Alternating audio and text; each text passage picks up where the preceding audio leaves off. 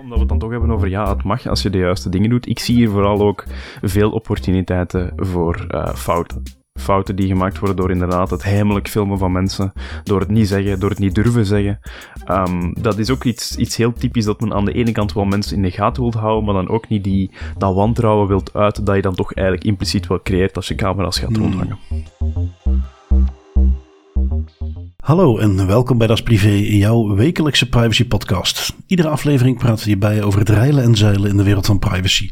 Digitale spionage, boetes, datalekken, nieuwe technologie, privacy tools, oftewel alles dat er in een week gebeurt in privacyland. Ik ben Bart van Buitenen en samen met privacy provoost Tim van Haren hebben wij het privacy nieuws van deze week gecureerd en eruit gehaald wat er echt toe doet. Privacy vinden we allemaal heel belangrijk natuurlijk. Maar als onze poetshulp komt, dan moeten we die wel in de gaten kunnen houden, kennelijk. Of zo redeneert toch de helft van de Belgen volgens onderzoek door IMEC. Diverse telco-operatoren denken dan weer dat als ze iets maar trust in de naam geven, dat iedereen het accepteert. Uh, dat is de naam voor hun nieuwe advertentie-tracking systeem, TrustPit. Um, soms krijg je door privacy, uh, krijg je privacy door mensen gewoon een koptelefoon op hun hoofd te zetten. Of toch, dat is wat het UZ Gent heeft bedacht. Zij innoveren in privacy. Gaan we even naar kijken. En voor de rest hebben we natuurlijk nog wat autoriteiten en wat datalekjes om mee te nemen. Maar genoeg uh, nieuws. We beginnen met een paar updates. Tim, jij hebt de eerste meegenomen. Eentje die al uh, vaker gefeatured is, de Universiteit van Leiden en hun slimme camera's. En die hebben nu toch een besluit genomen. Ja, klopt. Die universiteit heeft tijdens de coronapandemie um, camera's, of wat ze zelf noemen, slimme sensoren ingezet om eigenlijk het aantal studenten te kunnen tracken in bepaalde lokalen, om op die manier ja, te kunnen meten of dat een bepaald lokaal uh, te druk werd om de coronamaatregelen nog te kunnen nastreven of niet. Is een aantal keer heel hard in opspraak gekomen, omdat er toch terecht van studenten en van docenten en medewerkers van de universiteit kritiek opkwam. Um, en dat is een beetje een pingpongspel geworden, waarbij de universiteit zei in de eerste instantie van ja, nee, het zijn geen camera's, het zijn slimme sensoren, daar dan is op teruggekomen, dan de camerasystemen heeft uitgezet, maar de camera's wel heeft laten hangen, dan geprobeerd heeft om die camera's terug te activeren. En uiteindelijk nu door de universiteitsraad een negatief advies um, heeft gekregen om die camera's te gaan gebruiken voor enig doeleinde. Maakt niet uit of het iets met corona te maken heeft of niet. Dus die classroom scanners, eigenlijk camera's om het zo te noemen, die worden nu allemaal weggehaald. Oké, kijk eens aan. Uh, uiteindelijk is het dan toch gebeurd. Ja. Um, wat heb ik nog meegenomen? Het is niet iets waar we al heel vaak over gesproken hebben, maar ik vond het uh, toch leuk om een soort updateje mee te geven.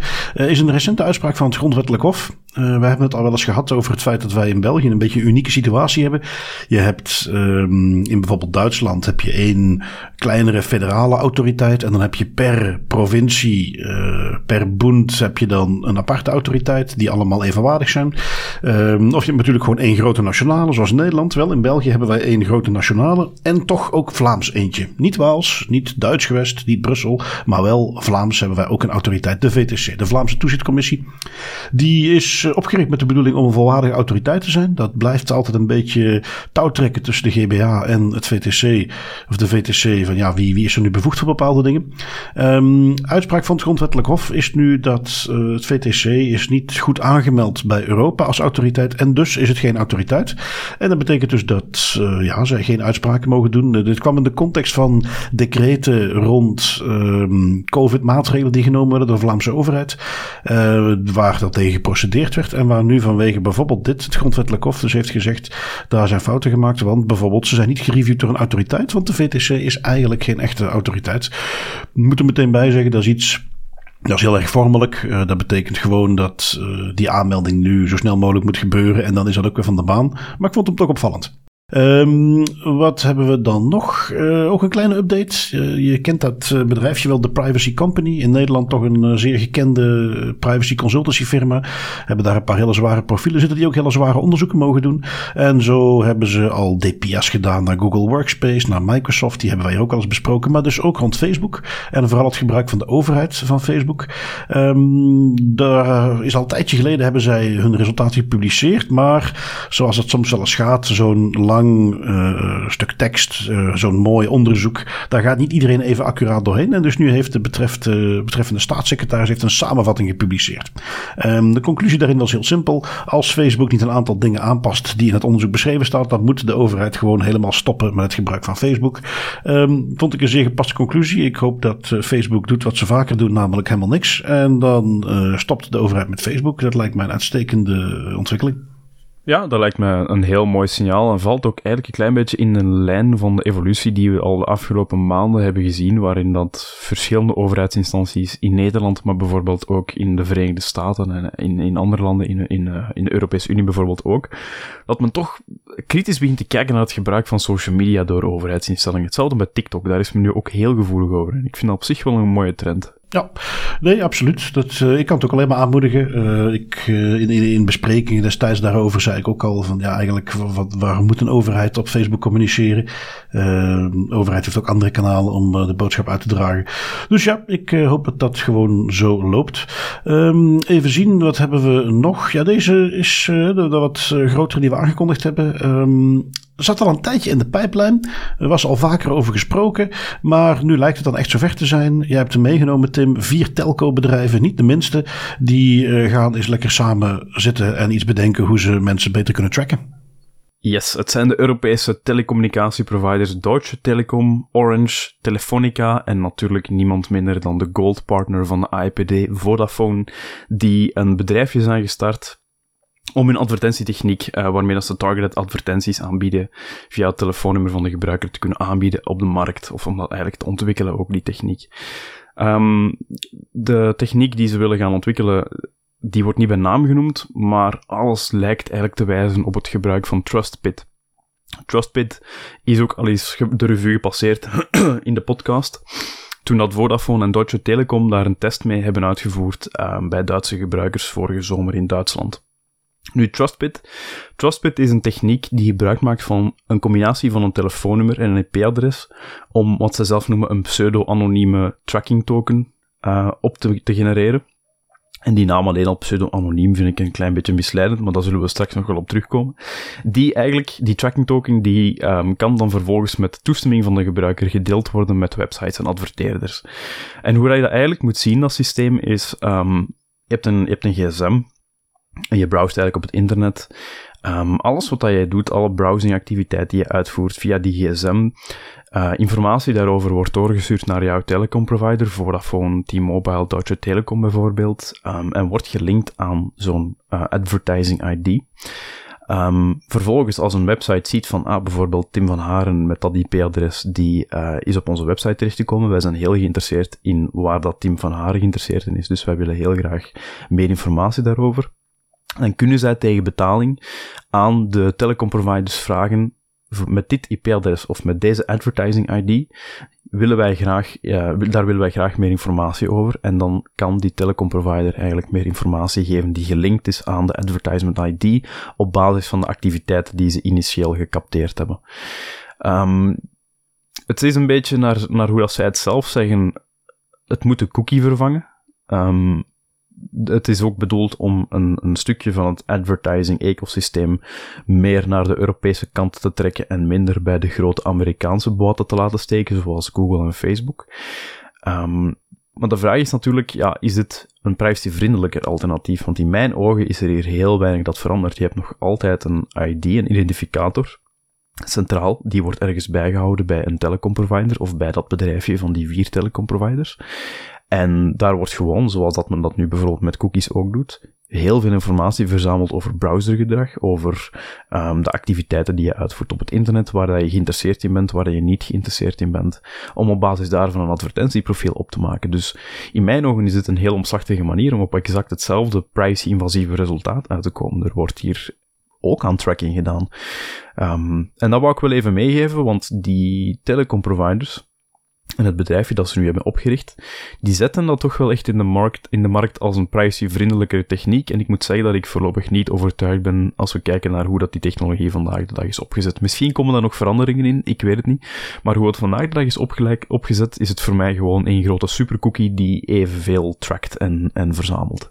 Laten we het even heel, heel simpel bekijken, want misschien dat ik nog iets mis. Um, de What's in it for me. Ik ben een van de klanten van die telecom operator. Wat haal ik hier uit? Het enige wat je hier zou kunnen uithalen, wat een klein voordeel geeft tegenover um, cookies misschien, is hoe dat zij het voorstellen is dat er op een bepaald moment ook ergens in dat ecosysteem een privacy dashboard is, waarin dat je als gebruiker kan kiezen met wie dat jij eigenlijk je uh, advertisement ID deelt en wie dus ook inzicht krijgt in waar dat jij geïnteresseerd in bent of niet. Maar ik, ik mis nog steeds, waarom zou ik dat willen? Um, is, komt dit weer gewoon terug op de mensen willen graag gepersonaliseerde advertenties? Want dan denk ik dat we dat meteen, dat, dat blijft toch zoiets mythisch in heel die advertentiewereld. Mensen zitten te wachten om geprofileerd te worden, zodat ze gepersonaliseerde advertenties krijgen. Um, wie weet zijn ze er, hè? Die mensen die zeggen, ja, gebruik mijn gegevens zodat ik uh, reclame krijg voor het wasmiddel dat ik toch al gebruik. Of voor iets waarvan jullie dan weten dat ik daar extra in geïnteresseerd zou zijn. Ze zijn er misschien, maar ik heb nog nooit zo iemand tegengekomen. En als dat de enige basis is waarbij ze zeggen, ja, daarom gaan mensen toestemming geven. Ja, dan kom je een beetje uit, waarschijnlijk op wat wij vorige keer ook al zeiden. Hè? Dan uh, is het formeel dat men toestemming vraagt, maar gaan ze je op iedere mogelijke manier erin proberen te luizen. Niet omdat jij echt bewust zegt, ja, dit vind ik interessant, ik ga hier toestemming voor geven. Maar vooral omdat je erin geluisterd wordt om ergens net even verkeerd te klikken. En boem, je hebt dat IP wat aan al die providers gekoppeld kan worden. Want opnieuw, ik, ik, ben gewoon nog niet mee met wat is hier nu het voordeel van. Waarom zou ik dit willen? Ja, maar dat is, dat is uiteindelijk de hamvraag die we ons al jaren stellen als het gaat over eh, van die advertising campagnes en trackingdiensten. En dat, dat, dat roept bij mij ook vooral de vraag op, is dit, is dit dan de enige manier om inderdaad aan die zogezegd... Laten we er eventjes vanuit gaan dat die wens er is. Dat mensen willen dat er gepersonaliseerde advertenties of advertenties ver, uh, verschijnen op hun scherm die relevant zijn met waar dat ze geïnteresseerd in zijn. Advertising campagnes zijn heel goed en advertising bedrijven zijn heel goed in het presenteren van uh, zeer gepersonaliseerde tracking technologie als de enige mogelijkheid om dat soort uh, aan die wens te voldoen. En dan zijn er ook bijvoorbeeld bedrijven die contextuele advertising voorzien. Ik vind dat, dat is mijn stokpaardje als het gaat over advertising, maar ik vind het altijd een zeer interessante technologie, want contextueel advertising doet, voldoet, kan ook die wens um, bevredigen door bijvoorbeeld te zeggen van kijk, ik zoek um, op bijvoorbeeld op de website van IS Adventure naar bergschoenen en ik krijg dan in de advertising spaces op de website van IS Adventure uh, dingen te zien die te maken hebben met mijn bergwandelingen bijvoorbeeld. Dat is een vorm van contextuele advertising, waarbij dat er gekeken wordt naar wat wordt er op dat moment gepresenteerd op de website. Mhm. En op basis daarvan worden er advertenties geplaatst. Want als ik geïnteresseerd ben in bergschoenen, is het heel waarschijnlijk dat ik wel iets te maken heb met een bergwandeling of een bergactiviteit. Anders zou, ik er niet naar kijken. Zou, zou, bedoel, zou gek zijn, hè? Ja. En dat is veel minder privacy-invasief en bereikt toch dat doel van gepersonaliseerde, of toch niet, niet gepersonaliseerd, maar wel meer gericht gaan adverteren. Ja, en daar zie je gewoon, dat is, daar is dit volgens mij ook weer een toonbeeld van, dat men in die uh, sector gewoon een beetje vastgeroest is in dat idee, we moeten mensen tracken, we moeten mensen tracken. Uh, we moeten, want dit is dan een pseudo-anonieme ID, uh, inderdaad, de naam alleen al is niet anoniem, dus het is een duidelijk unieke combinatie die aan één individu of device te linken is. Dus per definitie is dat gewoon een uniek gegeven. en, en daar blijft men maar aan vasthouden, terwijl je toch langzaamaan ziet dat er ook andere oplossingen zijn. Um, nu goed, uh, het feit blijft als mensen, en dat zal hier voor mij de crux zijn, zoals bij al die dingen. Als ze daar oprecht, transparant toestemming voor vragen, dan één, heb ik hier niks op tegen, want dan mag iedereen die dit graag wilt, ga vooral je gang. En twee, verwacht ik dat niemand dat wilt en dat dit dus een snelle dood sterft. Um, en dat lijkt mij ook weer een, een prima ontwikkeling. Um, het, is, het, is, het, is, niet dat ik. Uh, nou, nee, eigenlijk is het wel zo. Ik vertrouw die bedrijven niet met dat soort gegevens. Dus ja, daar ga ik gewoon geen toestemming voor geven. Um, dat gebrek aan vertrouwen is iets wat je eigenlijk ook op andere plekken terugziet. Um, stel, Tim, je hebt uh, de kuisvrouw komt bij jou langs. je hebt een optie. Zonder dat daar voor de rest iets, iets tegenover staat. Je hebt gewoon de keuze, doordat je daar zelf iets voor installeert, om die in de gaten te houden of niet. Je hebt ergens een cameraatje staan en daar kun je die mee in de gaten houden. Misschien dat je zelfs helemaal uh, je laat gaan en in meerdere kamers een cameraatje zet. En dan kun je die in de gaten houden. Zou je dat willen? Uh, ik denk dat het antwoord wel zeer duidelijk is: nee. Nee, nou, uh, de helft van de Vlamingen, want ik zei trouwens in de intro België, dacht ik, maar het gaat om een Vlaams onderzoek. De helft van de Vlamingen vindt dat wel leuk, die zouden dat wel doen. Um, er is een hmm. onderzoekje geweest, uh, niet zomaar een onderzoekje, toch ja, redelijk representatief zou het moeten zijn. Ik heb het van de VRT-website, daar staat ook de methodologie bij. Dat vind ik altijd heel fijn als, ze die, als je niet ergens heel diep moet gaan zoeken om de methodologie van het onderzoek te achterhalen, maar ze komen daar transparant mee naar voren. Um, oorspronkelijk 1700 Vlamingen bevraagd. Na een controle op leeftijd, onvolledigheid en tijdig invullen bleven er nog maar 900 over. Dus dat ja, viel alweer tegen, denk ik. Maar goed, 900 mensen bevraagd, die dan toch nog qua opleidingsniveau, geslacht en geografische spreiding voldoende representatief zouden moeten zijn. Nou, van die bevraging eh, geeft dus eh, meer dan de helft aan dat ze een, een huishoudhulp of een babysitter ze die graag in de gaten zouden willen houden. Uh, waar je dan moet concluderen dat ze dus vooral hun eigen privacy dan belangrijker vinden dan die van de anderen. Um, de, de, de grens die uh, bij de meerderheid van die ondervraagden, uh, ze gingen dan uh, poetshulp, pakjesbezorgers, babysitters, nou, die mochten gesurveilleerd worden. Um, een minderheid dacht dan ook om de kinderen daarmee in de gaten te houden. En het was toch wel duidelijk dat bij het in de gaten houden van de partners een meerderheid de grens leek te trekken. Um, maar ik vond het interessant, omdat dat dus toch ja, meer dan de helft daar dan eigenlijk zoiets had van, nou ja, goed als ik het kan, dan wil ik die best wel in de gaten houden. Um, ik, eh, daar werd ook gepost op de community, waar iemand dan opmerking maakte van ja, wat is er eigenlijk gebeurd met dat eh, good old vertrouwen dat we gewoon in elkaar kunnen hebben. Um, als je daar een beetje cynisch op reageert, zou je kunnen zeggen van nou, dat vertrouwen is er nooit geweest, maar je moest het nu eenmaal hebben, want de technologie was er niet om die mensen in de gaten te houden. Um, nu die technologie er wel is en dat die heel toegankelijk is, komt de ingebouwde argwaan die mensen hebben, komt dan vanzelf bovendrijven en dan hebben ze, als het kan, de behoefte om die uh, mensen die in je huis komen in de gaten te houden. Um, ja, vandaar dat ik de vraag ook aan jou stelde. En, en, ik moet zeggen, meer dan de helft. Het zal, als ze dat zo omschrijven, is dat meestal 51, 52 procent. Um, ik vond dat nog best veel. Ja, dat, dat is uh, meer dan ik had verwacht, om eerlijk te zijn. En goh ja, uiteraard, als je die vraag aan mij stelt, ik ben zo beroepsgedeformeerd als maar kan, dus uiteraard ga ik daar nee op zeggen. Ja, um, voor mensen die niet met privacy bezig zijn, zou ik het misschien ergens nog kunnen snappen dat die daar ja op antwoorden. Um, omdat inderdaad, zoals jij ook al zegt, hè, dat, dat, dat, idee van good old trust. Ja, nee, mensen zijn gewoon van nature wantrouwig. Zeker als het gaat over uh, vreemden eh, uitnodigen in hun eigen woning. Dan kan ik me ergens nog wel voorstellen dat je dan zegt van ja, ik wil toch zien wat dat die doet. Maar opnieuw, ja, is, is cameragebruik daarvoor de juiste oplossing? Ik denk het niet. En ik vraag me af ook wat je daarmee bereikt, om heel eerlijk nou ja, te zijn. Ik, ik denk dat het op zich zeker uh, in, de, in de oplossing is, ja, daar kun je ze mee in de gaten houden. Um, misschien even uh, uitklaren dat dat op zich prima kan. Je, de, de, je gaat dan wel duidelijk een bordje moeten hangen. Je moet duidelijk informeren dat het gebeurt. Ik kan mij ook voorstellen dat er een aantal van die uh, medewerkers van een poetsbureau of van um, de babysitdienst gaan zeggen van ja, daar wil ik niet meer heen. Um, dat is dan natuurlijk ook het gevolg. Maar op zich is daar niet per se iets op tegen. Um, hangt natuurlijk een beetje vanaf hoe je het doet. Als jij um, een camera er neerzet die uh, door het hele huis volgt, die facial recognition toepast, die social media gaat afscannen, hè, je begrijpt waar ik heen wil, dat is erover. Maar gewoon een camera waarmee je dus uh, ergens uh, toezicht kunt houden. In een baby zit in de kinderkamer. Hè, zo ver gezocht is dat ook niet. Um, dat kan op zich prima. Je gaat er gewoon transparant over moeten zijn. maar opnieuw, ik, ik, inderdaad, de vraag moet je dat willen? En het is iets, ik heb hier wel eens een keer bij de wij hadden, mm, ik had een, een cameraatje wat ik inderdaad ook gebruikte uh, voor uh, een van de kinderen die, uh, waar het nodig was om die in de gaten te kunnen houden. Um, en die, daar was op een gegeven moment, stopte daar natuurlijk mee. En die camera die had ik ergens in de woonkamer gezet. Dat was zo'n simpel ding. Um, die stond helemaal niet aan, was ook niet meer verbonden met de wifi, maar die stond wel gericht op de kamer. En ik kwam een keer terug, kuisvrouw was geweest en die had dat ding netjes neergelegd en omgedraaid. groot gelijk natuurlijk. Die wist ook niet zeker of die aanstond of niet. Dus, uh, dat was nooit de bedoeling, maar dan zie je maar, die zit er zelf niet op te wachten. En ik kan me dus heel goed voorstellen als je zoiets gaat doen en je doet het zoals het hoort. Dus niet heimelijk filmen, want dat kan gewoon nooit. Simpel. Uh, maar je doet dat met daar wel transparant over te zijn. Van, ah ja, uh, dankjewel Janine dat je komt schoonmaken. Um, ja, gewoon even dat je het weet. Ik heb daar, daar en daar heb ik camera's hangen. Uh, het is niet dat ik je niet vertrouw, maar ik ga gewoon af en toe even kijken. Dus ja, oké, dankjewel.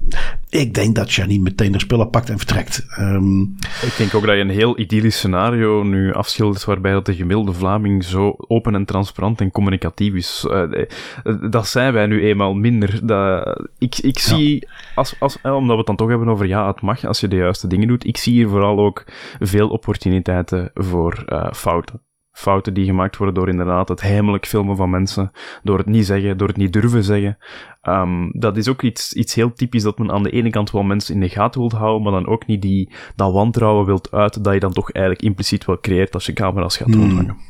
Ja, en laten we daar even een heel groot onderscheid maken tussen uh, ik denk dat je dit op een wettelijke manier kunt doen en uh, ja. ik denk ook heel erg dat je dit niet moet doen. dat dat even duidelijk zijn. Um, goed, maar ja, dus toch een interessant uh, onderzoekje. Um, en ja, dat is al redelijk invasief. Dat je mensen die al in je huis rondloopt uh, in de gaten gaat houden. Maar het kan altijd nog invasiever. Uh, je hebt er eentje meegenomen uit Amerika, waar anders. Um, en ja, daar lijkt men er toch alles op alles te willen zetten om vrouwen het leven zuur te maken.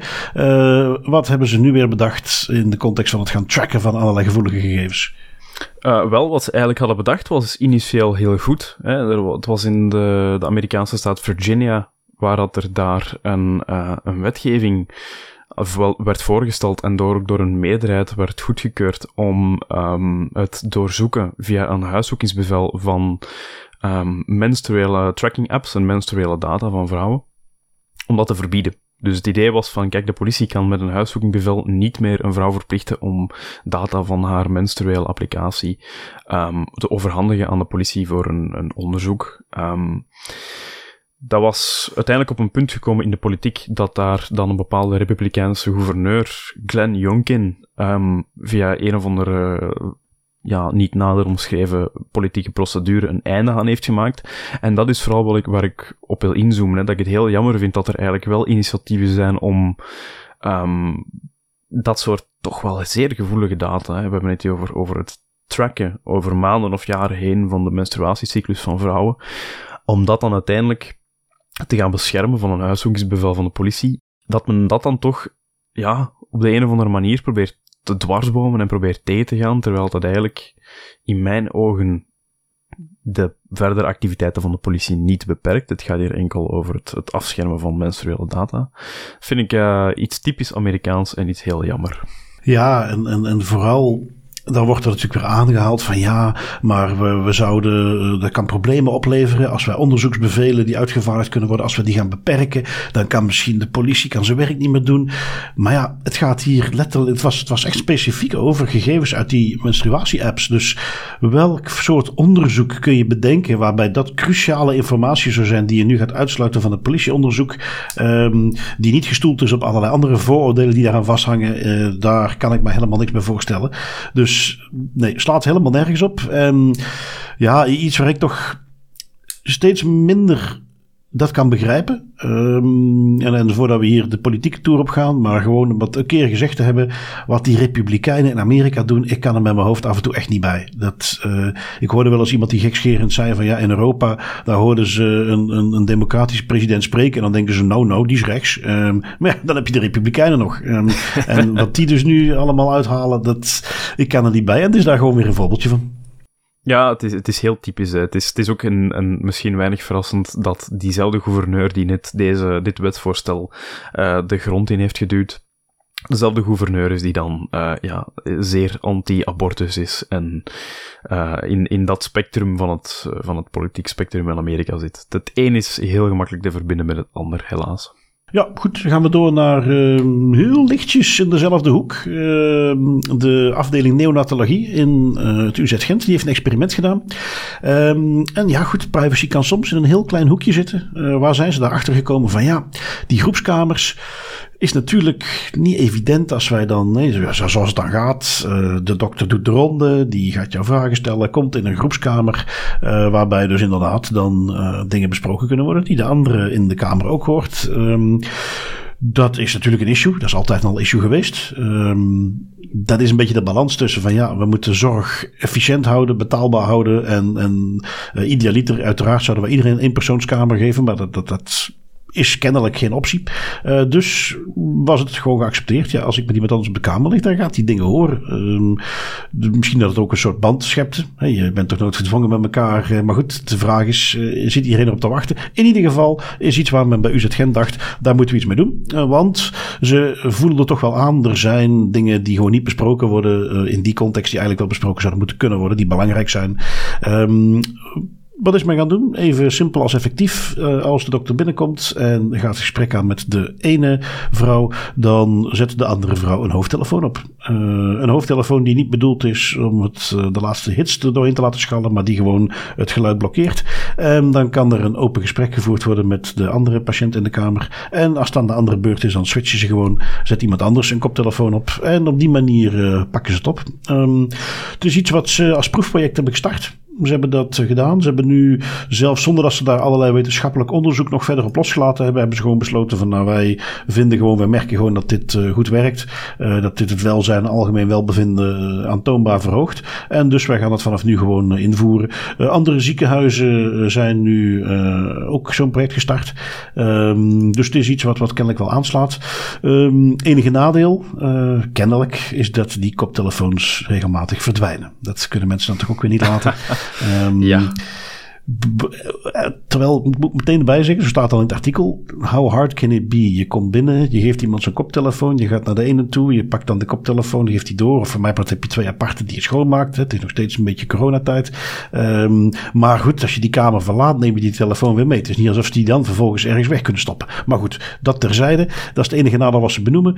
Ja, opnieuw, uh, het is niet dom als het werkt, zullen we zeggen. Dat uh, is een hele simpele oplossing. Ja, het is uh, heel cool om sowieso een low-tech oplossing te zien voor toch wel een reëel privacyprobleem. En ook wel, ja, ik vind het, ik vind het ook wel cool dat er dan uit het, uh, uit het testen is gebleken dat mensen daar ook gewoon in meegaan, dat die daar niet moeilijk over doen, dat ze een koptelefoon eventjes moeten opzetten, dat ze niet kunnen afluisteren. Um, niet dat ik denk dat iedereen zit te wachten op het afluisteren van confidentiële gesprekken tussen artsen of tussen familie, maar het is ook toch altijd, ja, je moet ermee oppassen, hè. Mensen bijna gaan eisen om iets op te zetten of zich af te zonderen. Ik vind het wel tof dat ze dat dan ook doen. Ik zou bijna zeggen dat het verwelkomd werd. Want ik kan me goed voorstellen dat je daar af en toe lacht en zoiets van ja, ik wil dit ook helemaal niet horen. En, goed punt. Uh, en hier is natuurlijk, uh, omdat als de ander aan de beurt is, doe jij het ook. Dus de, de, de, de wat heb ik hier aan, ja. ja. is hier heel evident. Dus ja, nee, gewoon heel simpel. En uh, ja, dat kan ook wel eens. Dus wel dan UZ Gent en alle andere ziekenhuizen die het gaan invoeren. Ik denk dat dat iets is wat je heel snel kunt uitrollen. Um, schakelen we door naar een altijd leuk onderwerp spannend onderwerp voor ons als privacy professionals. Misschien iets spannender. Um, maar goed, de, de discussie over uh, of data wel en niet op en neer mogen vliegen tussen Amerika en Europa. En aan welke voorwaarden dat dan kan. En de wetgeving die dat soort dingen in Amerika uh, heel moeilijk maakt. Schrems 2, hier al vaak gevallen. Ze zijn aan het onderhandelen. Dat nieuwe framework om dat weer opnieuw mogelijk te maken is er bijna. En dan heb je een aantal stappen die men moet doorlopen om advies in te winnen. Een van die stappen is uh, het Europees Parlement. En daar heb jij nu eentje van meegenomen, Tim artikeltje van het Hunton Privacy Blog. Uh, maar ook kwam op heel veel plekken voorbij. Het Europees Parlement, of als ik het goed heb, een specifieke commissie heeft zich daar nu over uitgesproken. Uh, ja, klopt. Die heeft zich daar vooral negatief over uitgesproken. Dit is de commissie Libe voor burgerlijke vrijheden, justitie en binnenlandse zaken van het Europees Parlement.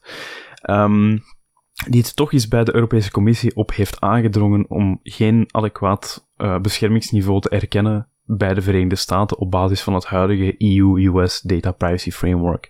Omdat het, zoals zij het benoemen, geen uh, daadwerkelijke gelijkwaardigheid creëert met Europese gegevensbescherming. Zo'n adequaatheidsbesluit wordt vaak door de Europese Commissie uitgevaardigd naar aan landen die een, gelijk, een gelijkaardig of een beter beveiligingsniveau, beschermingsniveau hebben um, voor de bescherming van persoonsgegevens men is daar nu ook inderdaad aan het onderhandelen om dat terug op gang te zetten, om dat terug op poten te zetten tussen de Europese Unie en de Verenigde Staten, zo'n besluit.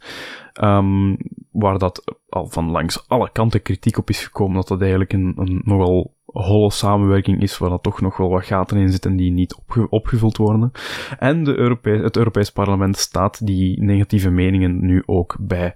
Um, er wordt van alles aangehaald, maar waar het eigenlijk op neerkomt is in de conclusies herhaalde die commissie van het Europees Parlement nog eens um, dat er eigenlijk ja, geen nieuw besluit tot vaststelling van een passend beschermingsniveau voor de Verenigde Staten vastgesteld mag worden nu. Tenzij dat er zinvolle hervormingen worden doorgevoerd. En dan met name op het, met het oog op uh, de, de bescherming tegen de nationale veiligheid en inlichtingendiensten van de Verenigde Staten, die nu toch nog altijd, zeker ook in het Europees EU-US Privacy Framework, uh, een grote mate van vrij spel krijgen. Hoe dat men het ook draait of keert, eigenlijk verandert er niet zo significant veel. Um, wat het Europees Parlement nu eigenlijk ook nog eens bevestigt. Nu, dat wil niet zeggen dat het, een dat het voor een blokkering zorgt. Hè. Er is een, um, komt de komende maanden nog een volledige stemming van het parlement over die resolutie. Um, maar ja, zelfs als er een resolutie wordt aangenomen waarbij het Europees Parlement formeel ingaat tegen dat EU-US Data Privacy Framework, eh, dan is dat niet bindend voor de Europese Commissie wat haar finaal besluit in zaken die adequaatheidsbesluit betreft. Dus daar, ja, is het een beetje afwachten. Het is een duidelijk signaal dat er toch nog problemen zijn, uh, dat er nog werk aan de winkel is in dat framework. Maar dan is de vraag of er ook naar geluisterd wordt. Wel, nee. Um, simpel. Uh, dat is ook wat er in uh, Groot-Brittannië uh, gebeurde, of met Groot-Brittannië, die ook een adequaatheidsbesluit nodig hadden. Daar had diezelfde commissie had daar ook een negatief advies over gegeven. En dat is vervolgens ook gewoon gekomen. Um, dat is ook wat ik hier verwacht. Dat, dat, dat nieuwe adequaatheidsbesluit gaat er zeker komen. Um, maar ik moet toegeven dat ze daar toch op deze manier nog eens een keer duidelijk tegenin gaan. De pers die dat ook gehaald heeft, eh, de aandacht die daarvoor kwam, is toch wel een, een, nuttig signaal. Um, wat ik heel erg hoop dat ze hier nu eens een keer wat effectiever gaan doen. Uh, want dat hebben ze bij die Britse overeenkomst ook niet gedaan. En die zijn eigenlijk in hetzelfde bedje ziek als de Amerikanen, hetzelfde soort wetgeving. Um, is dat men dat eens gaat evalueren. Stel dat men nu zegt van, nou ja, maar goed, we moeten toch eens een kans geven. Voor de derde keer ondertussen, maar goed, we moeten het een kans geven. En dat men dan een jaar later dat gewoon nog eens een keer gaat reviewen. Dat is in het verleden ook wel eens gebeurd. Daar kwamen dan allerlei negatieve commentaren uit en dan gebeurde daar niks mee. Um, het zou leuk zijn als men daar hier nu wel eens iets mee gaat doen, maar de adequaatheidsbesluit gaat er sowieso komen. Uh, maar goed, ja, toch eh, vond ik het interessant te zien inderdaad dat... Um, uh, het de Libe-commissie daar uh, zo scherp over was. Gaan we door naar China. Nou, daar heb je geen uh, Libe-commissie in een parlement die gaat beslissen of bepaalde uitwisselingen wel of niet akkoord zijn. Dat gebeurt gewoon of het gebeurt niet. Um, en dat is iets wat zich ook vertaalt naar veel uh, meer down-to-earth dingen waar je als burger rechtstreeks mee te maken krijgt. Um, ik heb, uh, het was een, een klein filmpje. Um, het is zo waar, niet dat ik er zelf op zat, maar het is een TikTok-filmpje. Ja, in China natuurlijk aanzienlijk populairder. wat je erop kunt zien is iemand die in een openbaar toilet uh, gaat. Iets wat daar toch aanzienlijk couranter is dan hier. Um, en die om vervolgens, nadat hij zijn behoefte heeft gedaan, de boel ook te kunnen reinigen, uh, moet hij zijn gezicht laten scannen. En dan komt er een heel klein stukje papier komt eruit. En dat is dus What? daar ook al met facial recognition. Uh, we hebben hem uiteraard in de show notes. Uh, niet bevreesd zijn. Ik heb het via libreddit.eu. Je kent dat wel, die privacyvriendelijke mirror van Reddit, waar het gepubliceerd werd. Um, maar ik vond hem uh, te interessant te zijn. te interessant om te negeren. Er wordt ook wel een beetje context meegegeven in de comments. Um, ja, kijk, het, het, hele idee van een publiek toilet. Ik weet niet hoe dat bij jou is, Tim. Maar ik, um, heel af en toe, als het echt niet anders kan, dan zal ik in de trein ook wel eens gaan. Die nieuwere treinen is dat nog redelijk uh, hygiënisch. Maar uh, er moeten hele bijzondere dingen gebeuren, wil ik uh, buiten zo'n toilet gaan gebruiken. Uiterste noodzaak. Precies. En goed, wij als mannen hebben dan vaak nog alternatieven. dus de, de, de, situatie moet dan veel schrijnender zijn. Willen wij echt naar zo'n plekje toe moeten. Um, goed, schijnt in China iets couranter te zijn. schijnt daar ook al zo te zijn. Dat, um, en dan, dan kun je het al iets beter plaatsen. Dat bijvoorbeeld ook op plekken waar je heen kunt gaan, dat toiletpapier, dat, dat is er niet. dat heb je zelf bij. Uh, dat weet je op een gegeven moment als je daar woont kennelijk. Je hebt zelf je toiletpapier bij. Ga je daar in een restaurant naar de wc, daar is geen toiletpapier. Um, is niet iets wat in de comments daar specifiek benoemd wordt, maar gewoon eventjes logisch nadenken. Het kan ik me voorstellen dat dat gewoon te maken heeft met het feit dat dat anders gewoon uh, collectief ontvreemd wordt. Um, wie weet dat... Um, cafébazen, horeca-eigenaren dat in de coronatijd hier ook wel gemerkt hebben. Zoals je weet was uh, uh, wc-papier toen hard op weg om uh, even zeldzaam als goud te worden. En de voorraden waren leeg. En ja, dus in die context is het misschien dat men daar dus um, ja, op die manier toezicht op wilt houden. Um, en dat men dan ook meteen zegt van ja, we willen wel even in de gaten houden of Mr. Wong hier niet al voor de duizendste keer zijn gezicht laat zien om een papiertje te krijgen of, of in het toilet zit. Um, wie weet worden meteen wat extra gegevens bijgehouden houden. Uh, goed gedaan, meneer Wong. U heeft vandaag 30% efficiënter gescheten als anders. dat kan altijd nuttig zijn. Plus 2 op uw sociale score. Ehm, maar goed, dat gezegd zijnde, ik vond het wel... Ehm, ja, in de categorie China Gonna China blijft die er zeker in staan. Je moet je gezicht laten zien om een stukje wc-papier te kunnen krijgen. Wat een vreemd land toch eigenlijk. Hè? De dingen die eruit komen, soms, uh, zeker ook in deze podcast, uh, als we stilstaan bij zo'n bepaalde aspecten, zoals nu ook. Allee, je moet je dat voorstellen dat je tegen iemand hier zegt in, um, I don't know, in een restaurant of in, bij de lokale gemeente van, oké, okay, luister jongens, ik heb een fantastisch idee. We willen besparen op de sanitaire voorzieningen. Wat als we nu eens facial recognition technologie inbouwen in de toiletten?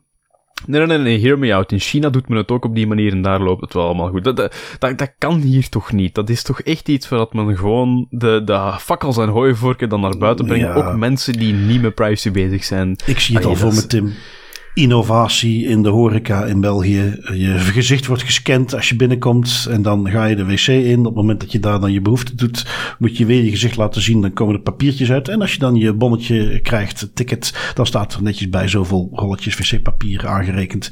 Um, nee, ik zie het ook niet meteen gebeuren. Maar dus ja, desalniettemin vond ik het interessant. Het is meer, um, hoe zeggen ze dat zo mooi? Uh, ik weet niet of het een, een, breder begrip is, maar in Risky Biz, die andere podcast on security, hebben ze altijd wat ze noemen de skateboarding dog. Iets iets, waar een, een, iets wat inhoudelijk op zich een beetje helemaal out there is. En waar je denkt van ja, we gaan dan iedere dag tegenkomen, maar te leuk om te laten liggen. Dat is dit ook. Um, iets wat um, ja, opvallend was en waar je op het eerste gezicht echt eventjes van dacht van... Huh, moeten we nu gaan betalen voor beveiliging? Is uh, wat jij hebt meegenomen. Um, artikeltje van Tweakers, maar ook dat is weer iets wat op heel veel plekken te volgen was. Want uh, moet je nu gaan betalen om je Twitter-account met multifactor authentication te gaan beveiligen? Ja, dat is, een, dat is heel veel in de media gekomen, dat soort titels. Um, er is wel enige nuance die we daar nog kunnen brengen. Het is zo dat um, vanaf 20 maart Allee, misschien om eventjes eerst de context mee te geven. Twitter is tegenwoordig, sinds dat Elon Musk daar uh, alles heeft overgenomen, een beetje een Wild West scenario aan het worden. De, elke maand is er wel een nieuwe insteek die daar plaatsvindt, of een nieuw idee dat daar de kop op steekt. Um, en dus nu ook uh, is men met het geniale idee gekomen om eigenlijk vanaf 20 maart enkel nog Twitter Blue abonnees sms-berichten te laten gebruiken voor uh, two-factor authentication. Daar moet ik meteen wel de caveat bij geven, en dat is de nuance, dat gebruikers die niet betalen voor dat Twitter Blue abonnement, waarmee je zo'n blauw vinkje naast je naam krijgt, um, kunnen wel nog altijd gebruik maken van gewone authenticatie-apps, uh, zoals Authy, Rivo, Microsoft uh, Authenticator, whatever, of security, fysieke security keys, zoals de YubiKey als 2FA-methode. Um, dus het is niet zo dat je geen meer, mogelijkheid meer hebt om uh, je, je account te gaan beveiligen met een multifactor authentication stap. Het is gewoon zo dat het sms-authenticatie eigenlijk wordt voorzien voor Twitter Blue abonnees. Wat dat Twitter daar eigenlijk naar eigen zeggen mee wil bereiken, is dat ze um, misbruik willen tegengaan door kwaadwillenden die daar toch in het verleden veel misbruik van hebben gemaakt. Um, door ja, mensen eerst te laten betalen en dan pas die optie terug vrijgegeven. Ergens is het, niet, is het niet het einde van de wereld, in mijn opinie. Um, het is al zeker in de security community algemeen geweten dat SMS, two-factor authentication, de zwakste vorm is van two-factor authentication die je kan hebben, omdat die, uh, daar toch nog het risico bestaat dat je het slachtoffer wordt van uh, social engineering, van uh, sim-swapping, waardoor dat eigenlijk iemand anders jouw telefoonnummer kan overnemen en daardoor ook jouw multifactor authentication berichtjes kan onderscheppen, terwijl het dan met applicaties of met een fysieke sleutel al niet zo. Dus er valt wel iets voor te zeggen voor Twitter die pusht voor meer mensen die gewoon een applicatie gebruiken of een security key. Um, maar de vraag is natuurlijk van ja, is dit de juiste manier om het te doen?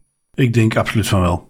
Um, ik kan dit alleen maar aanmoedigen. Um, moet er meteen bij zeggen, maar 2,6% van de gebruikers van Twitter gebruikt überhaupt multifactor authentication. Dat vond ik al vrij schokkend. Dat kan of het bewijs zijn dat we nog veel awareness te gaan hebben. Uh, of het kan het bewijs zijn dat Twitter effectief uh, voor 50% uit bots bestaat. En dat dat getal eigenlijk veel hoger hoort te liggen. Dat kan natuurlijk ook. Um, hoe dan ook, uh, van dan dat hele kleine percentage daarvan gaan zeggen van oké, okay, via sms dat gaan we afschaffen. als je dat dan per se toch wil doen, dan moet je ervoor gaan betalen. Je moet het via een app gaan doen. Ik denk ook niet, hè, als we kijken naar dat je zegt van ja, maar je gaat nu hele bevolkingsgroepen uitsluiten die geen smartphone hebben waar een app op kan. Ja, daar geloof ik ook niet in. Dat, dat, dat punt zijn we ondertussen ook al lang voorbij. Dus um, nee, ik denk dat dat eh, wel uh, aan de bottom line, uh, denk ik dat dat weinig gaat doen qua geld. Dus ik zou ook verwachten dat dit geen financieel gemotiveerde insteek is, maar effectief bedoeld is om in ieder geval de negatieve publiciteit van er is weer eens een Twitter-user gehackt, omdat zijn nummer gesimswat was of dat hij social engineerd is. Um, dat lijkt me toch wel nuttig. Um, het is ook iets waar, en dan herken je een goed idee. de zak heeft gedacht, hey, dat gaan we bij Instagram en Facebook ook eens doen. Um, niet helemaal identiek hetzelfde, namelijk het um, two-factor authentication stukje. Maar die kondigde ook aan dat je nu voor 15 dollar per maand ga je ook je blue tickmark kunnen krijgen op Instagram. Um, en dan ben je ook verified. Um, ik weet dat het iets was wat op Twitter op een gegeven moment wel een soort uh, statussymbool was. Dat uh, mensen dat graag wilden hebben. Um, dus dat mensen ervoor gaan betalen. Ja, wie weet is het iets wat echt wel gebeurt. Maar 15 dollar per maand, dat is toch verdorie uh, een hoop geld. Dan zit je al op 180 euro gewoon om, om dat blauwe vinkje te hebben. Ik, ik heb betere dingen om geld aan uit te geven, moet ik toegeven. Ja, ja, you and me both. En, en ik moet ook toegeven dat door het betalen te maken neem je eigenlijk het statusaspect van dat symbool weg voor een groot deel. Want het was zo dat eigenlijk voordat Elon Musk dat hele schema veranderd heeft, um, dan kreeg je zo'n Twitter-vinkje bijvoorbeeld als je een, een x-aantal, een groot aantal volgers had en actief was en, en, en dergelijke zaken. En dan moest je dat ook aanvragen bij Twitter zelf, voordat je dat kreeg. Nu kan Jan en alle man die gewoon genoeg geld wilt neerleggen, zo'n zo'n symbooltje naast hun namen bestaan. En dat neemt voor mij toch wel een stukje de, de, de status en credibiliteit ervan weg. Los, dat, allee, los van het feit dat het ook gewoon maar een dom symbool is en eigenlijk niet zo heel veel wil zeggen, behalve dit is een account die actief is en die veel volgers heeft. Maar uh, ja, het zijn fascinerende tijden. Ja, ja, absoluut, absoluut. Um, gaan we eventjes uh, naar noorden kijken. Nederland, de autoriteit persoonsgegevens, doet toch nog eens een keer zijn best. Uh, heeft een negatief advies gegeven over een wetsvoorstel. En dat advies wordt vervolgens straalhard genegeerd. Um, benieuwd wat daarmee gaat gebeuren. Nu goed, laten we even toelichten waar het over gaat. Um, je hebt mensen die een zaak hebben gehad en die zijn op een gegeven moment veroordeeld van fraude. Um, kan gebeuren. Um, is iets waar natuurlijk ook straffen tegenover staan. In sommige gevallen kunnen die uh, de gevangenis belanden. Uh, die kunnen zelfs verboden worden om nog een uh, nieuw bedrijf op te starten. Dat is meestal wat je krijgt als je faillissementsfraude pleegt. dus goed, die mensen, als die dus een nieuw bedrijf willen opstarten, ja, dan gaat er ergens een lijst moeten zijn die je kunt raadplegen om te zien, is dit zo iemand? En dan mag die geen bedrijf opstarten. Dus dat zo'n lijst er komt, Allah. Maar wat nu de nieuwe dimensie is, die lijst die gaat openbaar worden. Um, dat is dan wat er in het, het wetsvoorstel staat. Um, de minister van Economische Zaken en Klimaat, zoals het dan heet, die uh, gaat het advies niet opvolgen. Die wil dus een, uh, ja, die wil dat de Kamer van Koophandel, in, in Nederland is dat het equivalent van wat bij ons de Kruispuntbank van Ondernemingen is. Um, die wil dat uh, de KVK die lijst dus publiek gaat plaatsen. Nou, de AP had al geadviseerd van ja, dat is niet nodig, dat is buitenproportioneel. wat je wilt voorkomen is dat mensen een nieuw bedrijf kunnen opstarten. Dus die lijst moet er inderdaad ergens zijn, maar die hoeft helemaal niet publiek te zijn. Um, wat je daarmee gaat krijgen, kijk, die mensen zijn al veroordeeld. Die hebben dan een straf gehad. Dat is iets waar we als samenleving van zeggen. Goed, dit is een misdrijf. Daar hoort deze straf tegenover. Een rechter spreekt die uit. Daar moet niet nog eens een extra straf bovenop komen van publiek aan de schandpaal genageld worden. Um, het is ook iets waar je vijf jaar op blijft staan. Of ja, maximaal vijf jaar. Um, maar ja, zoals we allemaal weten, basisprincipe van de verwerking, uh, minimalisatie. Is het nodig dat dat publiek is voor het doeleinde wat we willen? Namelijk die mensen kunnen geen bedrijf meer opstarten. Nee, oké, dan moet dat niet publiek staan. Nou, dat is ook het advies wat de AP heeft gegeven. Um, en ja, nu blijkt dat dat advies uh, gewoon genegeerd gaat worden. Um, in een nota van uh, vorige maand heeft ze dat aangekondigd, dat dat advies niet gevolgd gaat worden. Um, ja, goed, de AP heeft dan een brief gestuurd aan de Tweede Kamer, waarin ze met klem oproepen om niet akkoord te gaan met het voorstel. En ja, dat is het dan een beetje, waarbij ik dan hoop dat dat voldoende effect sorteert in de Tweede Kamer en het parlement. Ja, toch wel een klein beetje jammer. Um, en dat, dat is niet per se bij de AP, maar dat is gewoon meer in het algemeen bij de gegevensbeschermingsautoriteiten. Um, zien we redelijk vaak terugkomen. Hè, dat er toch wel een mooi advies wordt uitgeschreven, dat er veel werk in is gestopt en dat vervolgens gewoon straal genegeerd wordt. Hmm. Um, het zou toch wel, en zeker als het dan vervolgens in, in, binnen een paar jaar bijvoorbeeld fout loopt met zo'n project waar dat advies over is gegeven, dat zijn toch zaken die meer in acht genomen mogen worden, vind ik advies van een autoriteit. Ja, en op zijn minst dat dat dan hetzelfde voor geldt, want dat is nu ook niet, of toch dat zie ik zelden terugkomen als dat zo'n advies genegeerd wordt. Dat gebeurt dat ook in België, gebeurt het vaak. Maar dat men dan op zijn minst een motivatieplicht heeft. Dat ze even heel bewust en, en gestructureerd als antwoord op het advies moeten gaan formuleren waarom zij toch vinden dat dat kan, in plaats van gewoon te zeggen we negeren het. Dat ontbreekt nu ook. Dat zou ik inderdaad uh, wel willen zien. Um, dus ja, dit is iets waar de AP denk ik, uh, ja, waar het even wachten is wat zij daar concreet nog mee kunnen doen en hoeverre het nog impact heeft, hun brief, maar waar hun advies weinig tegen in te brengen valt. Um, dat is iets anders met het volgende artikeltje die jij hebt meegenomen, Tim, over het, uh, ja, een actie die men in de gemeente Wageningen nam rond gratis parkeren, waar iemand het niet eens was met het advies van de AP. Nee, klopt. Uh, de gemeente Wageningen, Wageningen die had eigenlijk een, het, het een geniale ingeving, laten we het zo noemen, waarin als ze zeggen van kijk, wij hebben een aantal plaatsen in onze gemeente waarin dat er gratis geparkeerd mag worden. En ja, Bart, wat doe je dan normaal gezien als je ergens voor een kleine tijd mag staan? Wel, je hebt daar volgens mij zo'n heel simpel blauw schijfje voor, wat je in je vooruit kunt leggen, waar dan op staat tot wanneer jij gratis mag parkeren. Ja, en dat schijnt is dat wel iets inderdaad dat de meeste mensen in hun auto moeten hebben liggen. Hè? Want de gemeente Wageningen dacht van ja, nee kom, we gaan er een smak geld tegenaan smijten en we gaan op een veel modernere en innovatievere manier aanpakken, want dat is tegenwoordig toch het buzzword. Hè? Alles moet innovatief zijn. Mhm. En daar is op zich niks mis mee. Um, maar daar is wel iets mis mee natuurlijk als het dan indruist tegen de privacy van de mensen. En daar gaat het hier over. Um, het is zo dat zij dus die plaats waar je gratis voor een bepaalde tijd mag parkeren, ze willen het, het gebruik van die lastige blauwe kaartjes, dat willen ze afschaffen, dat afschaffen, dat is te lastig. En wat willen ze dus gaan doen? Ze willen werken met um, kentekenherkenning. Dus jij rijdt een parking binnen, jouw nummerplaat wordt herkend en dan moet je eigenlijk binnen bijvoorbeeld het uur die parking terug uitrijden, anders riskeer je kans op een boete, omdat dat ding herkent dat jij daar langer dan een uur staat. Um, de AP heeft daar ook naar gekeken, heeft daar eigenlijk geen bezwaar tegen gemaakt, vond dat op zich um, iets dat proportioneel was en door de beugel kan, kon. En daar was de privacy-rechtenorganisatie Privacy First uit Nederland het niet mee eens. En die hebben nu ook een rechtszaak aangespannen tegen de AP om dat eigenlijk aan te vechten en ook meer aandacht te leggen bij de AP van kijk, um, wij vinden dat, zij vinden dat de AP onvoldoende kritisch is geweest tegenover uh, het voorstel van de gemeente Wageningen om dan zo een kentekenherkenning te gaan doen voor gratis parkingbeheer. Idealiter zou ik wat meer uh, info willen over hoe dat dan precies werkt. dat, dat, dat uh, hoe lang bewaren ze dat? Wordt dat dagelijks weggegooid? Uh, wat doen ze daar nog mee? Want ja, in beginsel, zeker als jij, um, je komt het parkeerterrein op, jouw nummerplaat wordt gescand, die wordt in een database gezet. Um, vervolgens rijdt de parkeerplaats af. Nou, die checkt of de tijd klopt. Zo ja, dan mag je gewoon door. Zo nee, dan moet je gaan bijbetalen. Um, en goed, op die manier worden die sessies bijgehouden. En op het einde van de dag alle afgesloten sessies, als in iemand is binnengekomen en is weer vertrokken, worden meteen verwijderd. En alle niet afgesloten sessies, die worden dan uh, maximaal uh, één of twee dagen bewaard, waarna uh, ja, men misschien op de een of andere manier een, boete moet voorzien voor het maximumtarief, wat dan ook. Maar dat dat op die manier heel proportioneel is, moet ik toegeven dat dit misschien nog best de efficiëntste oplossing kan zijn. Um, waarbij je, want wat is die parkeerschijf? Dat is op een, en ik denk aan meer in de niet-parkeerterrein omgevingen, is dat ook best handig. Um, maar laten we wel zijn, misschien die jij ook al eens hebt gedaan, Tim. Ik zal hier uh, toegeven, eh, dat is een, een, misdrijf wat ik nog best wil toegeven, dat ik die, dat ik die parkeerschijf best wel eens een beetje gemanipuleerd heb met van, bah, binnen nu en een half uur zullen ze wel niet staan. Ik zet hem gewoon alvast eventjes vooruit.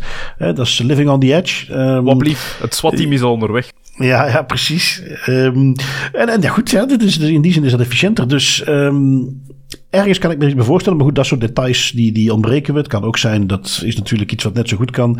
Dat dat ergens in een database zit, dat men dat bijhoudt. Dat men dat misschien nog voor iets anders gaat gebruiken. Uh, en dan snap ik het al wel beter. Um, ja, ik weet niet. Ik, ik, ik, ik, twijfel wat. of dit nu ook de meest efficiënte inzet is van de middelen van Privacy First om hier een rechtszaak over te beginnen, is iets wat misschien met wat meer details over hoe ze het precies aanpakten wat duidelijker zou worden. Um, ik kan mij best situaties voorstellen waarin ik als AP zijnde ook zou zeggen van, dat moet kunnen. Ja, een argument dat Privacy First heeft aangehaald, uh, wat dan misschien nog nuttig is om mee te geven, is ook van ja, tijdens de, een hoorzitting bij de AP, uh, waar de gemeente betrokken was om eigenlijk duidelijk te maken, allee, om, om hun standpunt te verdedigen waarom het die kentekenherkenning noodzakelijk was, um, hebben ze zo gezegd volgens Privacy First geen degelijke onderbouwing moeten geven over de, de vermeende voordelen van kenteken parkeren tegenover mhm. andere manieren. En ja, als je, als je dat al niet moet gaan doen, als je niet moet gaan zeggen van kijk, dit heeft effectief een reële impact op uh, de operationele aspecten, bijvoorbeeld van parkingbeheer of zo, ja, dan komen zaken zoals noodzakelijkheid en rechtmatigheid wel in het gedrang. Ja, dat je het op die manier, als dat ook, dat ook de insteek is van kijk, we zijn niet per se tegen, maar de gemeente heeft gewoon op enkele manier onderbouwd waarom het geen voordeel zou. Worden, ja. ja, zoals wat wij net aanhaalden, dat is best wel te bedenken. Um, ik moet er meteen bij zeggen, eentje waar ik bijvoorbeeld wel een, een, een hekel aan heb en daar altijd uh, op mijn hele kleine manier tegen rebelleer, is als je ergens komt op een, een en dus geen afgesloten parkeerterrein, maar uh, gewoon een publieke parking. En je moet naar zo'n paal toe gaan. Uh, en dan krijg je dan een ticket. En dat je dan vervolgens ook je nummerplaat in moet geven. Ja, dat vertik ik altijd. Mijn nummerplaat is dan altijd 1AAA uh, 123. want ik leg dat ding bij mijn ruit neer. Jij kunt precies zien wat daarop staat. Mijn nummerplaat hoeft daar helemaal niet op te staan. Die hoeft niet in het systeem te zitten. Waar ik stiekem op hoopte, is dat ik eens een keer een boete kreeg. En dat ik dan een zaak kon gaan aanspannen van ja, maar dat is buiten proportionele verwerking. Maar ik heb er dus ook nooit een boete voor gekregen. Want dat ticketje lag wel altijd netjes uh, onder mijn vooruit. Uh, dus die nummerplaat klopt de misschien niet. Maar je kon perfect zien, ah, dat ticket is geldig. Nou ja, dat is hoe we het altijd gedaan hebben. Uh, daar hoeft niet ineens een nummerplaat bij. Um, en ja, wat dat, wat dat eigenlijk ook doet vermoeden dat men inderdaad die nummerplaat helemaal niet nodig heeft om dat te controleren, omdat ze dan vervolgens alsnog het ticketje vooruit gaan checken. Ja, precies. Dat, ja, voilà. Ja, Daar ja, komt ja, het Dat is hem, dat is hem. En dus in die context kan ik me dat goed voorstellen. Nu goed, we zullen zien wat er uit die rechtszaak komt. Kunnen we dat wat opvolgen. Um, even zien, wat hebben wij nog? Wij hebben een uh, datalekje bij een Scandinavian Airlines. Je hebt hem meegenomen, Tim. Wat was er aan de hand? Uh, ja, ze hebben Scandinavian Airlines heeft deze week, um, of vorige week als de, de episode online komt, klanten gewaarschuwd voor een datalekje um, nadat de website en de applicatie van de Scandinavische luchtvaartmaatschappij getroffen waren door een cyberaanval. Het is niet duidelijk over welke cyberaanval het gaat, daar gaan ze, daar gaan ze niet verder over in. Maar we weten wel dat er contactgegevens, um, informatie over eerdere en nog geplande vluchten en de laatste vier cijfers van de creditcard zijn gestolen van wat vermoedelijk de hele data database is van klanten van Scandinavian Airlines. Geen uh, paspoortgegevens of dergelijke, maar enkel de gegevens die ik net heb genoemd. Toch maar eentje om nog mee te geven, ja. Ja, ja inderdaad. Um, ja, nooit een gebrek aan uh, datalekjes. Er is er iedere week wel eentje. Um, zijn wij toe aan onze autoriteiten? You Um, ik kijk eventjes naar de eerste die jij hebt meegenomen. Die is al van eventjes terug, hè, van onze Belgische autoriteit. Maar ik herken de casus. Dat, uh, dat was wel interessant. Ja, ja dat, was, dat was inderdaad wel een tof. Het is eentje van september 2022. Dan is die, dan is die gepubliceerd, die casus. Maar het is, het is een leuke om mee te geven, want het gaat eigenlijk over een... Um, een boete die is opgelegd aan een administratief platform, een boete van 2500 euro. En waarom hebben ze die boete gekregen? Um, het, dat, dat administratief platform is eigenlijk een digitaal managementplatform waarop dat uh, leveranciers en dan klanten van leveranciers kunnen communiceren met elkaar en administratieve documenten kunnen opladen. Um, en er was een individu, dat was een kamergenoot uh, van, van iemand anders, die een klacht had ingediend bij de GBA tegen dat platform. En waarom had hij een klacht ingediend? Dat um, individu was zelf geen klant van het platform. Zijn kamergenoot was dat wel. En dat individu, de degene die de klacht heeft neergelegd, had gevraagd aan zijn roommate om de waterfactuur op te laden op dat platform. Dat bedrijf heeft vervolgens die waterfactuur verwerkt. Um, en heeft vervolgens de naam herkend van degene die de klacht heeft ingediend, die dus geen klant was van het platform. Um, heeft vervolgens een verzoek gestuurd naar de effectieve klant van het platform, de roommate. Met daarin de vraag van, kijk, heeft die persoon die nog geen klant is, um, heeft die geen interesse om ook aan te sluiten op ons platform? Wij zien bijvoorbeeld dat er hier al een aantal zaken zijn waar we mee kunnen linken um, van die persoon. Dus, dus uh, platformen waar die persoon op actief is, uh, activiteiten die die persoon ooit heeft uitgevoerd. Dus wat dat bedrijf eigenlijk heeft gedaan, is dat die, die hebben eigenlijk persoonsgegevens van degene die nog niet was aangesloten op het platform, gelekt aan degene die al was aangesloten op het platform. En daarvoor hebben ze een boete gekregen van 2500 euro. Hmm. Um, het ging eigenlijk zelfs nog een stapje verder. Um, dit platform, ook al noemen ze het niet bij naam, uh, maar uh, dus misschien het kan het een ander soort gelijk iets zijn, maar je moet je dit voorstellen als Dokkel. Je kent Dokkel wel. Um, ja. Daar kun je een appje van downloaden. Daar kun jij uh, al je facturen kun je daarin toe laten komen. Um, digitaal wordt het dan bewaard. Je kunt dan ook zeggen van nou, ik wil bij die en die organisaties, daar wil ik me ook via Dokkel bij aansluiten. wat gebeurde toen die factuur werd geüpload, is dat die de, de, de, ja, ik weet dus niet of het dokkel was, maar dat het platform uh, dat zag als van, ah, oké, jij bent ook die persoon. En jij kunt nu verbinding maken met andere bedrijven. En dan zouden die documenten van die anderen daar gewoon één op één zijn binnengekomen. Dus het was niet eens uh, dat het een, een, soort invite was die gestuurd werd van, goh, wilt u ook lid worden van het platform? Je kon gewoon door uh, gewoon een documentje te uploaden, waar dan bepaalde gegevens op stonden, kon je vervolgens verbinding gaan maken, waar je documenten van die andere persoon binnen zou krijgen. Met dus potentieel hmm. redelijk gevoelige gegevens. Hmm. Um, dus ja, dat was iets. De boete is uiteindelijk heel erg laag, omdat dat bedrijf zelf meteen toen die klacht begon te lopen, zijn die aanpassingen gaan doen. Dat dat niet meer zomaar kon. Dat je eerst een soort authenticatie via iets meer moet gaan doen. Iets soortgelijks om echt vast te stellen dat je die persoon bent voordat je die connectie kunt maken. Um, ik heb ook uh, iemand gesproken die uh, betrokken was bij die zaak. Die dat bedrijf adviseerde. En die ook aangaven dat ze eigenlijk intern alles hadden gesignaleerd dat, dat, dat er iets mee moest gebeuren. en dat deze zaak er vervolgens voor zorgde dat ze dat er meteen mooi doorheen kregen. Dus iedereen daar eigenlijk best blij mee was. Um, maar dat was in potentie, en dat, dat is dan, ja, je weet het nooit natuurlijk. Misschien dat ze er onderzoek naar hebben gedaan. Maar dat was in potentie een zeer serieus datalek. Want je moest dus maar gewoon een factuur vinden van iemand die inscannen in jouw, uh, stel dat het dokkel was, in jouw dokkelportaal. En dan kreeg je vervolgens de uitnodiging om meteen even te connecten met alle andere diensten. Ja, daar opnieuw, daar konden hele gevoelige gegevens tussen zitten. Ja, ja, op zich inderdaad een, een, een interessante uitspraak, maar ik, had, ik, ik heb geen idee of het dokkel is of niet. Dat staat, uh, heb ik nergens kunnen vinden. Dus hypothetisch dokkel, misschien is het misschien... Ja, hoeveel van die platformen zijn er, hè? Maar uh, ja, nee, absoluut. De, de, in tegenstelling tot een aantal andere uh, autoriteiten anonimiseert men die altijd. Um, ik weet wel, volgens mij ook in de nieuwe gegevensbeschermingswet of, of autoriteitenwet of in aanpassingen, maar dat er ergens... Um, ah ja, ik weet het alweer. Um, vanuit de Europese Commissie probeert men nu de procedures bij alle autoriteiten wil men gaan stroomlijnen. En men is nu een voorstel aan het maken om gewoon op te leggen aan alle autoriteiten hoe ze daarmee om moeten gaan. En daar zou bijvoorbeeld ook tussen kunnen zitten dat de namen van bedrijven gewoon gepubliceerd moeten worden. Ik denk dat dat eh, een hele interessante zou zijn voor een mooie wall of shame. Uh, dat zou in sommige gevallen nog veel meer effect hebben dan 2.500 euro boete, denk ik dan. Ik ging het net zeggen. Ik vind het op zich eigenlijk wel geen slecht idee om dat te doen. Qua, nee, nee. Allee, ik weet dat bedrijven uit ervaring vaak meer schrikken van de potentiële reputatieschade die ze kunnen leiden dan de kleine boete die de GBA dan oplicht. Ja, ja, ja, absoluut. Um, benieuwd wat de afwegingen zijn. Er kan natuurlijk ook op een bepaalde manier misbruik van gemaakt worden. En daarom daar een beetje huiverig op is. Daar, ja, goed, een analyse op te bekijken. Maar ik moet zeggen dat ik het ook wel interessant zou vinden. Of uh, vanaf een bepaalde omvang. Hè, dat je niet uh, mm -hmm. ieder klein restaurant wat weliswaar een overtreding begaat. Maar dat, dat die meteen een, op die manier aan de schandpaal genageld worden. Maar als jij een Proximus of de NMBS of een KBC bent. vind ik dat dat ja. best iets is wat, wat, waar je ook kunt onderbouwen. Absoluut. Dit zijn zulke grote bedrijven dat is relevant voor de bevolking om dat gewoon te weten. Het is een publiek belang om inderdaad ja. te communiceren. Ja. Um, is ook iets wat ze zo heel af en toe ook wel eens doen, hè? ook de GBA. Um, mm -hmm. We hebben er nog eentje. Uh, ja, zoals jij zo mooi aangeeft in de omschrijving, uit het leven gegrepen. In Duitsland is het er eentje. Die hebben een uh, boete van 500 euro, relatief bescheiden, opgelegd aan een restaurant. Um, wat had het restaurant gedaan, Tim? Ja, het, ik, ik vond hem... Het is, het is een pietluttige boete, hè. het stelt niet veel voor, maar ik vond hem te, inderdaad uit het leven gegeven, te grappig om die mee te nemen. Het was een restaurant die... Um, had besloten om zijn uh, contact tracing forms van in de coronapandemie nog gewoon te dumpen in het bos en daardoor een boete heeft gekregen van 500 euro. Wat ik me dan wel afvraag, en dat vind ik heel jammer dat het dus niet in het besluit staat, is hoe dat ze daarop zijn gekomen, hoe dat ze dat hebben kunnen achterhalen, dat dat de contract tracing formulieren waren van dat restaurant. Iemand moet er dan op zijn gestoten, hè? een berg papier in het midden van het bos. Ja, dat moet inderdaad wel. En vervolgens zal op dat contract uh, tracing formulier ja, ongetwijfeld gewoon de naam van het restaurant gestaan hebben.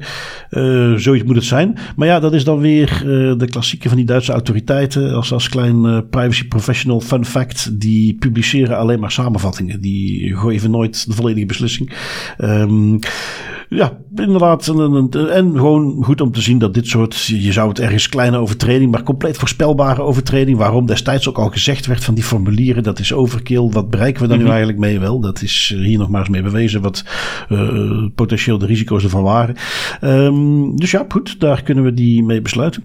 Um, ik ga uh, een beetje een, een makkelijke privacy pointer doen, Tim. Want uh, wij gaan gewoon nog eens even ons event op 24 maart gaan wij um, in de kijker zetten.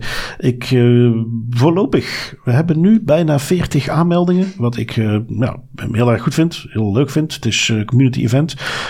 wij hebben een maximum van 75. Weet ook dat de mensen die in de community zitten op Matrix of die onze podcast luisteren, die voorrang krijgen.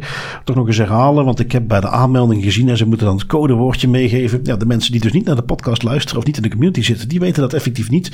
Ook al is het codewoord niks bijzonders, dat is podcast. Als je dat invult, dan weten wij, jij bent de luisteraar van de podcast. En mochten we boven die 75 gaan, um, ik had daar niet meteen op gerekend, maar op het tempo waarop het nu gaat, is het zeker niet ondenkbaar. Dan gaan we de mensen die in de community zitten of de podcast zitten, gaan we voorrang geven. Um, dus ja, ik zou zeggen, um, we gaan hem uiteraard in de show notes zetten. We hebben hem op onze, zoals dan zo mooi heet, de socials, ook het linkje nog eens gezet. Ik moet hem misschien op de website ook even iets prominenter in beeld brengen. Want daar, kun je, daar moet je echt gaan zoeken om hem te vinden. Dus dat moet ik misschien nog even fixen. Maar dus sowieso in de show notes zullen wij die link ook bovenaan zetten, dat je daar uh, makkelijk kunt vinden. Um, mocht dat nu niet lukken of je zegt ik wil hem wel inschrijven, maar ik zie het niet meteen, stuur gewoon een mailtje naar bart.dasprivé.be en dan komt dat uiteraard zeker in orde. En dan zet je daar gewoon podcast in en dan eh, is dat ook eh, helemaal oké. En ja, dat is mijn goedkope privacy pointer, Tim. Uh, ik ga volledig meedoen met de goedkope privacy pointers, Bart, want ik denk dat wij het allebei de hele week druk hebben gehad. En dus hebben wij helaas niet de tijd kunnen vinden om een coole privacy pointer te, te, vinden. En dan moet ik trouwens ook zeggen, luisteraars, het is elke week moeilijker aan het worden om degelijke tools te vinden. We hebben denk ik de, de put ondertussen een klein beetje geleegd, maar we blijven ons best doen. Maar wat ik nog wel wil meegeven, is iets dat ik eigenlijk af, de, een paar dagen geleden nog heb meegemaakt is uh, ja, een, een, een, zo gekend en algemeen scenario um, waarin dat er om jouw persoonsgegevens worden gevraagd en er wordt een foto gevraagd van je identiteitskaart. Um, en de pointer die ik daar heel simpelweg wil meegeven is dat, dat er is geen schaamte in en het is vaak heel leuk en, en interessant om eens gewoon tegen te werken en te vragen van, um, is er geen alternatieve manier om mijn identiteit te bewijzen of om jullie ervan te overtuigen dat ik hier geen kwaadaardige bedoelingen heb, zonder dat ik mijn ID-kaart met voor- en achterkant moet gaan doorsturen. De, oh ja, vaak ja, ja, stoot ik wel op heel veel begrip als ik die vraag stel. Ja, ja, ja. En, en de, het belangrijkste daar is om niet hota, arrogant. Nee, en waar heb je dat dan voor nodig? Nee, nee, je weet toch dat dat tegen de wet is, hè? Nee, nee, dat mag helemaal niet. Nee, nee, nee, nee, dat, dat mag je. Nee, niet op die manier. Je gaat dat gewoon vriendelijk toch beslist. Gewoon, maar is dat echt noodzakelijk? Ja, ja het is iets wat ik eigenlijk wel... Um, ja, ik let daar goed op dat uh, ik dat niet zomaar rondstrooi. Dus, dus uh, kunt u misschien aangeven, waarom is dit nodig? Moet dat echt? En op die manier is het nog... En, en dan nog ben ik ook, daar ga ik ook niet uh, heiliger dan de pauw spelen. Ik ben ook op situaties geweest waar men dat beeft doordrammen. Ik een afspraak had of ik een reservatie had. En dat ik op een gegeven moment ook gewoon zeg, oké, nou, ik heb mijn best gedaan, alsjeblieft. Het is wat het is. Um, maar op zijn minst, en dat is die eerste stap. En als we dat allemaal zouden doen, denk ik dat sommige praktijken heel snel zouden verdwijnen. Is daar gewoon eens eventjes op doorgaan en vragen waarom het dat nodig is en of ze dat dan een beetje uit kunnen leggen. En dan heb ik ook al, en veel vaker dan dat ik het alsnog moest geven, ook al meegemaakt dat het dus uiteindelijk toch niet nodig is. Ja, ja, inderdaad. Dat is mijn privacy pointer. Uitstekend. Uh, ja, daar kan ik me alleen maar bij aansluiten. Goed, Tim, dan hebben wij weer een mooie wekelijkse aflevering. Ik bedank jou weer voor je tijd. Ik bedank onze luisteraars om weer naar ons te luisteren. En ik hoop dat wij vele van jullie mogen verwelkomen op, ons, uh, op onze soirée met Das Privé op 24 maart. Inderdaad. Zoals altijd, Bart, met heel veel plezier en tot volgende week. Tot volgende week.